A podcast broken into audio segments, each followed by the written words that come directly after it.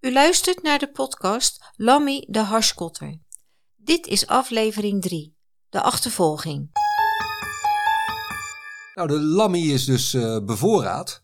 Uh, nou, we hebben een idee van wie uh, de leverancier zou kunnen zijn geweest. en de terugtocht kan beginnen. En die terugtocht is eigenlijk al net zo eventvol als de, als de heenweg. Dat ze voor Portugal voeren en dat ze een, um, een SOS-signaal oppikten. En toen bleek er een, uh, ja, dat, ik weet niet of het, maar in ieder geval dat, dat uh, een zeiljacht in nood was.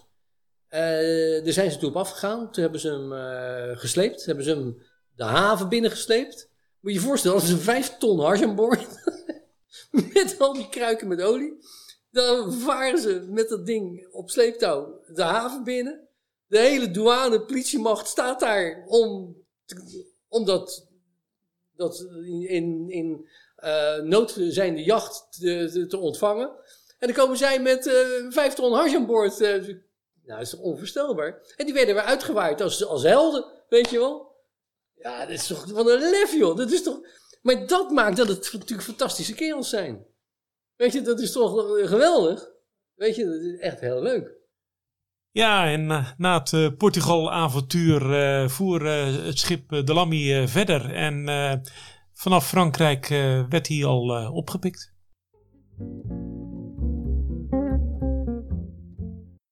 Wat ik, weet, wat ik gehoord heb dus van, de, van de schoonvader van mijn broer, is dat ze tijdens het hele traject de, het was een, een Neptune van de marine, die pikte hem op bij, bij halverwege België. De Franse marine pikte hem op langs de Spaanse kust. Toen was hij bij, in de buurt bij Frankrijk kwam, werd hij door de Franse marine luchtvaartdienst opgepikt. Toen zijn ze hem kwijt geweest een tijdje. Toen hebben ze waarschijnlijk gedacht dat hij ergens in een haven was wezen schuilen of dat hij motorpech had, dat weet ik niet. Maar op een gegeven moment waren ze hem kwijt en toen was er enige paniek in Den Helder vertelde toen de, de schoonvader van mijn broer dat uh, iedereen was in paniek. Waar zou hij heen gegaan zijn? En zou hij die lading al gelost hebben misschien? Maar dat bleek dus later niet het geval te zijn. Maar ik weet niet precies wat er dus geweest is. Maar ze zijn hem wel, heb ik begrepen, een tijdje kwijt geweest. Ja, alles was tot in de puntjes voorbereid. De draaiboeken waren zeer gedetailleerd. Uh, ze volgden de Lammy al uh, nou ja, vanaf Frankrijk. En toch raakten ze hem kwijt. En toen brak de paniek uit in Den Helder, zoals uh, Bert net zei. Um, en de reden waarom ze hem kwijtraakten, dat vertelt Henk van Bokstel.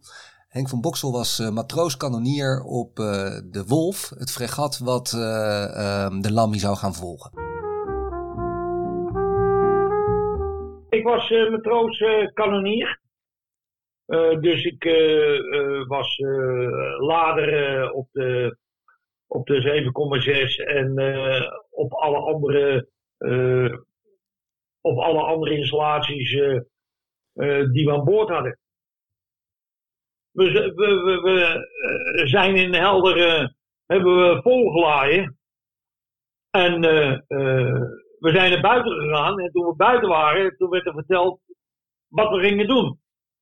Toen werd er alleen verteld dat we tussen uh, nou van Calais heen en weer zouden varen om mogelijk een, een, of een transport te onderscheppen waar ze al vanaf, vanaf het begin, dus in, die ze al in de gaten hielden. Dus wij hebben daar, ik geloof, tien dagen heen en weer gevaren tussen, tussen Dover en Calais. Uh, ja, om te wachten tot die, die, boot, uh, die boot kwam. Nou, en aangezien het schip uh, uh, wel de wereld rond kan varen met, met, met, met de peutjes hebben, maar niet met het water, werden we dus vanaf het begin werden we op rantsoen gezet. Op waterrantsoen, dat betekent dat je een bakje water krijgt en s ochtends kan wassen. En één keer in de week douchen om het waterverbruik, oh ja, om het waterverbruik te verminderen. Want we wisten niet hoe lang we moesten blijven. Nou, dus uh, tien dagen later uh, zijn we met een rotgang naar Vlissingen gevaren. En hebben daar water gelaaien. Nou, toen we terugkwamen vanuit Vlissingen, toen hadden we de informatie gekregen dat hij al eh, dat hij door het kanaal heen was. dus toen zijn, we, hem- toen zijn we hem op gaan zoeken. En toen hebben we hem gevonden, zijn we er achteraan gevaren. En eh, eh, ja, kijk, eh, het is nacht. En als hij zijn licht uitdoet en die, eh, die krijgt geen puls op die radar, dan ben je dus kwijt. Nou, het enige wat dan gebeurt, is je moet continu blijven, eh, posities blijven bepalen. Dus continu moet je in die kaart bezig zijn en kijken eh, waar hij naartoe voer of welke kant hij op ging. Dus het is een, een kat-en-muisspelletje. Nou, Rick, dit is natuurlijk echt, echt te grappig voor woorden. Ja, ik vond Boxer zelf moest er ook al om je lachen. En jij ook trouwens in het interview. Maar dan vaar je dus tien dagen heen en weer tussen Calais en Dover. En net op het moment dat je water moet halen in Vlissingen. Dat je ook denkt, waarom in Vlissingen? Maar goed. En op dat moment vaart hij langs. Dan heb je alle draaiboeken klaar liggen. En dan, ja, dan gaat het eigenlijk nog fout. Maar goed, eh, uiteindelijk pikken ze hem natuurlijk wel weer op. En dan, eh, ja, dan begint het avontuur in de Hollandse water. Ja, inderdaad. Dan varen ze langs, eh, langs de Nederlandse kust. En eh, ja, dan is het ook wel goed om eh, even een nieuw karakter in dit verhaal te benoemen. En dat is hoofdofficier van justitie Josephus Jitta. Mooie achternaam, Josephus Ja, het is Jitta. allebei zijn achternaam, hè? Ja, ja, ja, zeker. dat, Jozef dat, onthouden we wel. Dat gaan we onthouden. en Jozef Jitta die heeft een belangrijke rol in, in het verdere verhaal. Dus laten we maar luisteren hoe die in elkaar stak. een andere man die dus aan de andere kant stond van dat milieu. Dat was een, eh, eh, de man van de opsporing en de vervolging. En dat was eh, meester A.N.A. Josephus Zitta. Ehm, advocaat-generaal later. Iemand die eh, er niet voor terugdeinsde om bij de opsporing echt over het randje te gaan. Hij had in dat wereldje de eh, bijnaam eh hashhond. En om hem te pesten hadden ze ook een smokkelboot ehm, eh, de naam gegeven A.N.A. Maria. Ana Maria. En dat, was, eh, dat, dat waren dezelfde initialen die eh Jozef Zitta had. En dat was zuiver om hem te treiteren en te pesten. Ze wilden, zo ging dat in die tijd. Ik ben bij Adelbert Joseph Zitta thuis geweest in, eh, in Alkmaar, waar hij woonde in een appartement eh, om de hoek van, van de rechtbank waar hij, eh, waar hij werkte. En hij, eh, ja, hij vertelde eigenlijk dat hij toen, toen de Lammy eh, actueel was, en, en toen, het, eh, toen het schip binnen ging komen en toen hij daar eigenlijk zijn aandacht op moest richten, eh, dat hij vooral bezig was met de vraag of het topless zonne voor de kust van Noord-Holland wel of niet eh, ja, verboden moest worden of, of toegelaten moest worden. Dus dit was van een hele andere, andere orde. Nou, Josef Zieta was een, volgens mij een hele vrijzinnige man. En een, type van een, van een rechter. Van een eh, genadige rechter, die wel eh, heel to the point was. Maar, eh, maar ook wel een, het leek ook wel een barmhartige man. Ik denk dat hij het wel, dat hij de Lammy wel een interessante klus heeft gevonden. Of dat hij, dat hij in ieder geval wel capabel was om daar, om daar goed over te oordelen. Ja, we horen dus over Jozef Zitta, de hoofdofficier van, eh, van justitie eh, in Noord-Holland. Hij wordt eigenlijk verantwoordelijk voor deze operatie. Eh, maar waarom juist hij? Nou, wel omdat er eh, in Noord-Holland uiteindelijk het eerste gedeelte van de harslading eh, wordt gedropt aan de kust.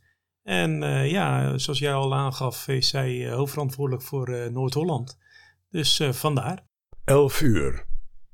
De politie heeft vanochtend 7000 kilo hasjes in beslag genomen die enige tijd ervoor door een kotter bij Callandsoog met kleine bootjes naar het strand was gebracht. Drie mannen zijn tot nu toe gearresteerd. Dit gebeurde pas later omdat de politie eerst wilde weten waar de smokkelwaar naartoe werd gebracht. De kotter Lammy is momenteel buiten de territoriale wateren, maar wordt in de gaten gehouden door marine- en douaneschepen. Nadere bijzonderheden zijn nog niet bekend.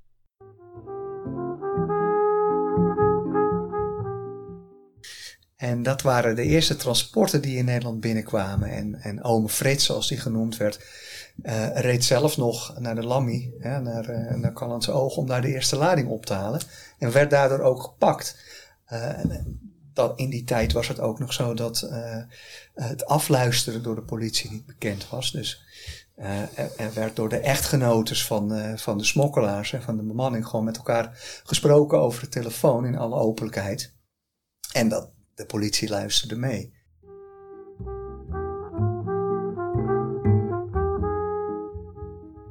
Eh, ja, Rick, we horen Joost van de Wegen vertellen over het eerste hashtransport wat in Nederland aankomt. Ja, dat is uh, natuurlijk toch wel bijzonder in Callandsoog. En uh, ja, daar zit dan toch ook wel weer een knulligheid in. Hè? Dat, dat Frits van de Wereld als opdrachtgever zelf daar dan naartoe gaat. Dat, dat, ja, dat zou nu absoluut niet meer gebeuren.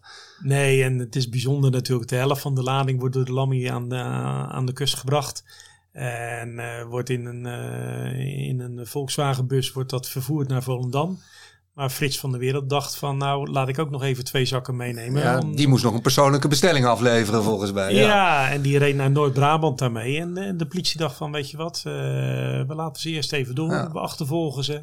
En zowel in Volendam als in Noord-Brabant zijn, uh, zijn de mensen aangehouden. Ja. En uh, daar zat dus ook Frits van de Wereld gelijk ja. al bij. En dat was echt om ze op hete daad te betrappen, hè? dat ze daar door lieten gaan. Ja, ja. precies. precies. En uh, ja, ondertussen ging de Lammy gewoon door met, met zijn andere helft van de vracht. En ja, de, de fregat van de marine, Wolf, die zat er al achteraan. Maar er kwam nog de douaneboot, de Zeearend, bij. En die was volgens Anne Starrenburg de zoon van de kapitein van de douaneboot, de Zeearend, was die boot nog niet zo snel. Erg zeewaardig was die niet. Dus nee. dat bleek dus. Uh, en uh, die kotters die ze gebouwd hebben, die voeren al sneller dan 17 mijl. En dat kon dit schip amper bereiken. Nou, de douane heeft een, uh, een nieuwe boot, de Zeearend. Maar ja, hij was en niet zeewaardig en niet snel genoeg. Een willekeurige kotter die was al sneller. Dus ja, dat is eigenlijk ook wel weer, wel weer te grappig voor woorden eigenlijk. Ja, en dan wilde Zeearend wilde Lammy uh, aanhouden. Maar uh, Doris Pompet werkt daar niet aan mee.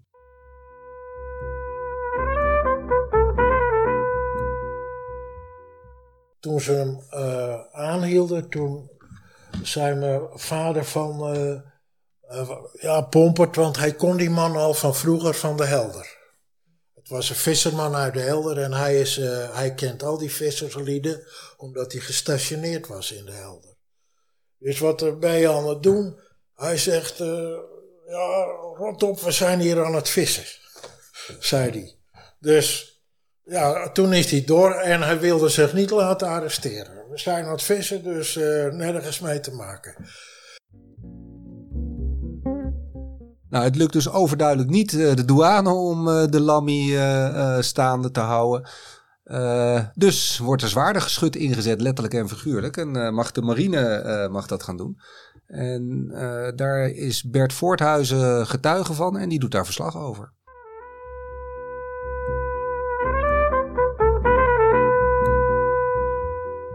Vanuit die helikopter konden wij het zien. Er vloog een Neptune van de marine luchtvaartdienst vlogen boven. Die gaf de coördinaten door waar de Lammy zich op dat moment bevond. Die bevond zich dus uh, voor de kust.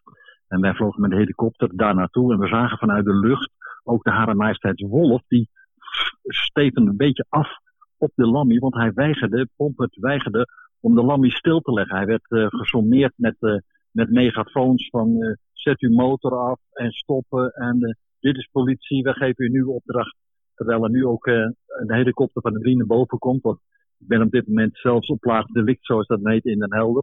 Maar toen heeft vanuit de, het marineschip werd er dus met megafoons gezegd: stoppen, uh, u wordt aangehouden en dat soort dingen, dat kon je horen. Maar op een gegeven moment bleef hij doorvaren, de Lammy. Toen gaf dat, dat marineschip gaf een schot voor de boeg, zoals dat heet. En ik moet je zeggen, dat, wij hoorden in de helikopter de knal daarvan. Want dat, dat die luchtdruk over dat water heen, dat kwam omhoog. We zag ook de rook uit de loop van, de, van dat marineschip komen.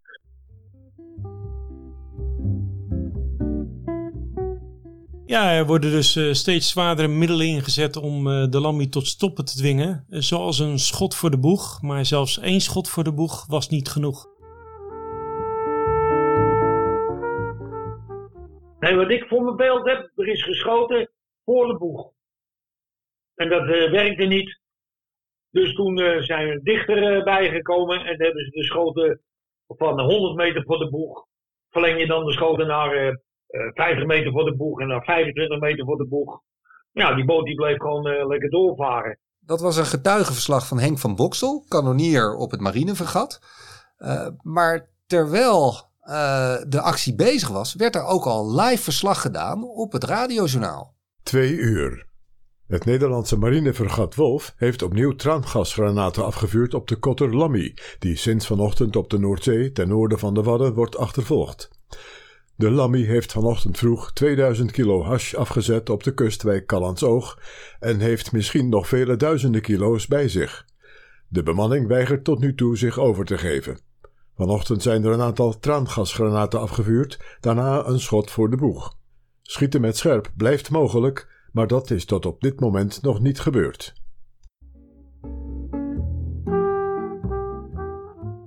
Ja, de marine gaat ook steeds intimiderender optreden. Hè? Schot voor de boeg, traangas. Uh, ja, ze gooien er wel even wat power in. Dat wel, maar uh, het blijkt toch ook wel dat ze voor hun uh, vrij veel dingen ook nog nieuw zijn. En het loopt nog allemaal niet zo vlotjes af en toe. Maar Anne Starrenburg en Henk van Bokstel beschrijven de situatie zeer nauwkeurig.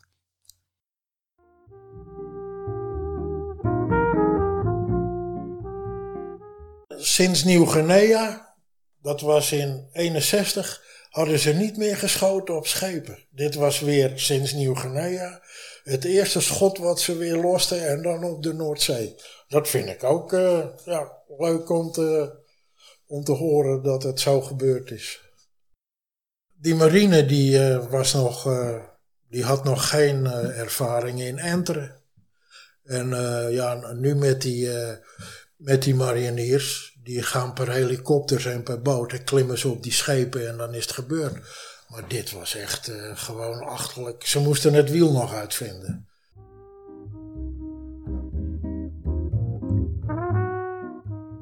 Op het laatst is het traangas gebruikt. Maar toen hebben we vlak langs de Lammy gevaren.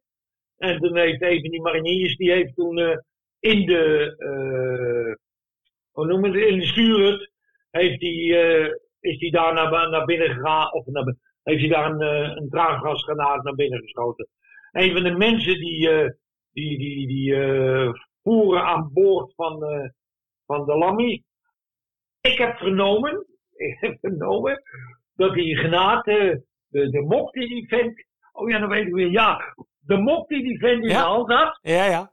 Uit, uit zijn hand heeft geschoten. En toen is hij naar buiten toe gegaan. En toen is hij zo met zijn, uh, met zijn armen gestaan. Nou, kom maar jongen, kom maar. ja, ja, ja, prachtig. Uh, nou, behalve vanaf het vergat werd er ook verslag gedaan vanuit de helikopter.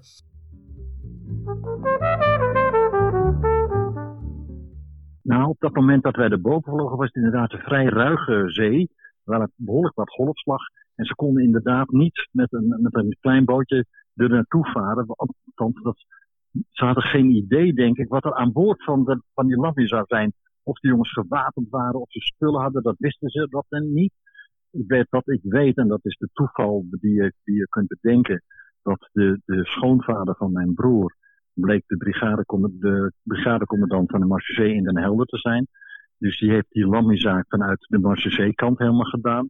En dus we hebben daar veel, uh, veel over gesproken. En ze hebben nooit kunnen durven, durven vermoeden wat er in de Lammy zat, behalve has. Ze dachten dat er ook, want er was een beveiliger meegegaan van die criminele organisatie.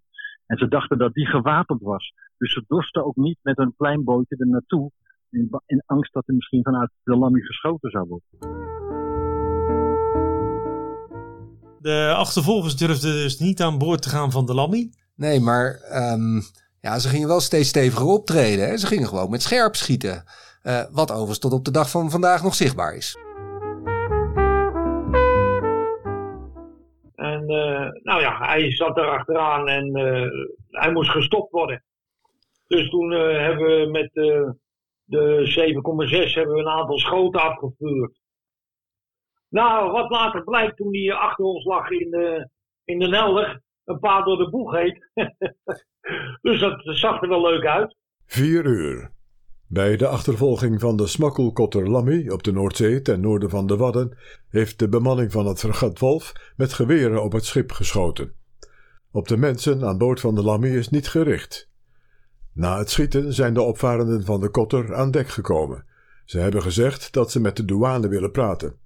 Verder willen ze via de radio contact opnemen met wat ze de wal noemen. Ik uh, stond, uh, stond uh, op de brug op de zijkant, dat weet ik niet meer, maar ik stond aan boord. En ik heb vanaf, vanaf het schip heb ik, heb ik toen foto's gemaakt, omdat ik eigenlijk de enige was met een, met een, een camera die dat kon. ja, geweldig toch hè. De marine die toevallig één marineman had met een cameraatje aan boord. Dus die mocht dan maar de foto's maken om uh, eventueel bewijslast uh, vast te leggen. Het is half zes. De Nederlandse marine heeft een tweede schip gestuurd naar de vluchtende smokkelkotter Lammy, die nog steeds op de Noordzee vaart en pogingen doet in noordelijke richting te verdwijnen. Het is de jager Holland die misschien de taak gaat overnemen van het fregat Wolf. Ja, de torpedojager Holland zou het uh, overnemen van het fregat uh, Wolf. En uh, dat vooral vanwege het feit dat torpedojager een beter radarsysteem had voor de nacht. Ja, en dat ze niet weer kwijt zouden raken, zeg precies, maar. Ja. Precies, Ja, en daarnaast uh, natuurlijk de douane, die uh, voeren ook nog steeds achter de Lammy aan. Ja, maar daar kregen, waren wat andere zaken ja, aan die, boord. Die kregen een beetje koud watervrees. Uh, in die zin dat ze toch wel erg ver uit de kust waren. De bemanning vond het eigenlijk wel mooi geweest. Maar um, ja, de kapitein die dacht, ik laat niet meer los. Dat was zelfs zo dat toen ze zo ver uit de kust waren, vond de bemanning van mijn vader dat ze eigenlijk te ver uit de kust waren. Hij zei: Jullie denken toch niet dat ik dit laat ontsnappen? Dus wij gaan gewoon door tot het gaatje. Dat zei, dat zei hij wel. Want ja, het is. Uh, die dat nog nooit meegemaakt hebben zo ver op zee. Er waren er wel die op coasters gevaren hebben, maar die toch een twijfels hebben met het bootje. En dit was ook de eerste keer. Ja, net in de vaart, net uh, een jaar in de vaart. En uh, je maakt dat mee. Dus ja, dit kan je ook vooruit niet bedenken. Zes uur. De commandant Zeemacht Nederland heeft de commandant van het fregat Wolf toestemming gegeven de smokkelkotter Lammy met geweld tot stoppen te brengen. De Lammy heeft de hele dag al geweigerd gehoor te geven aan bevelen van douane en marine om bij te draaien, nadat de kotter de afgelopen nacht 2000 kilo hash op de kust van Noord-Holland had afgeleverd.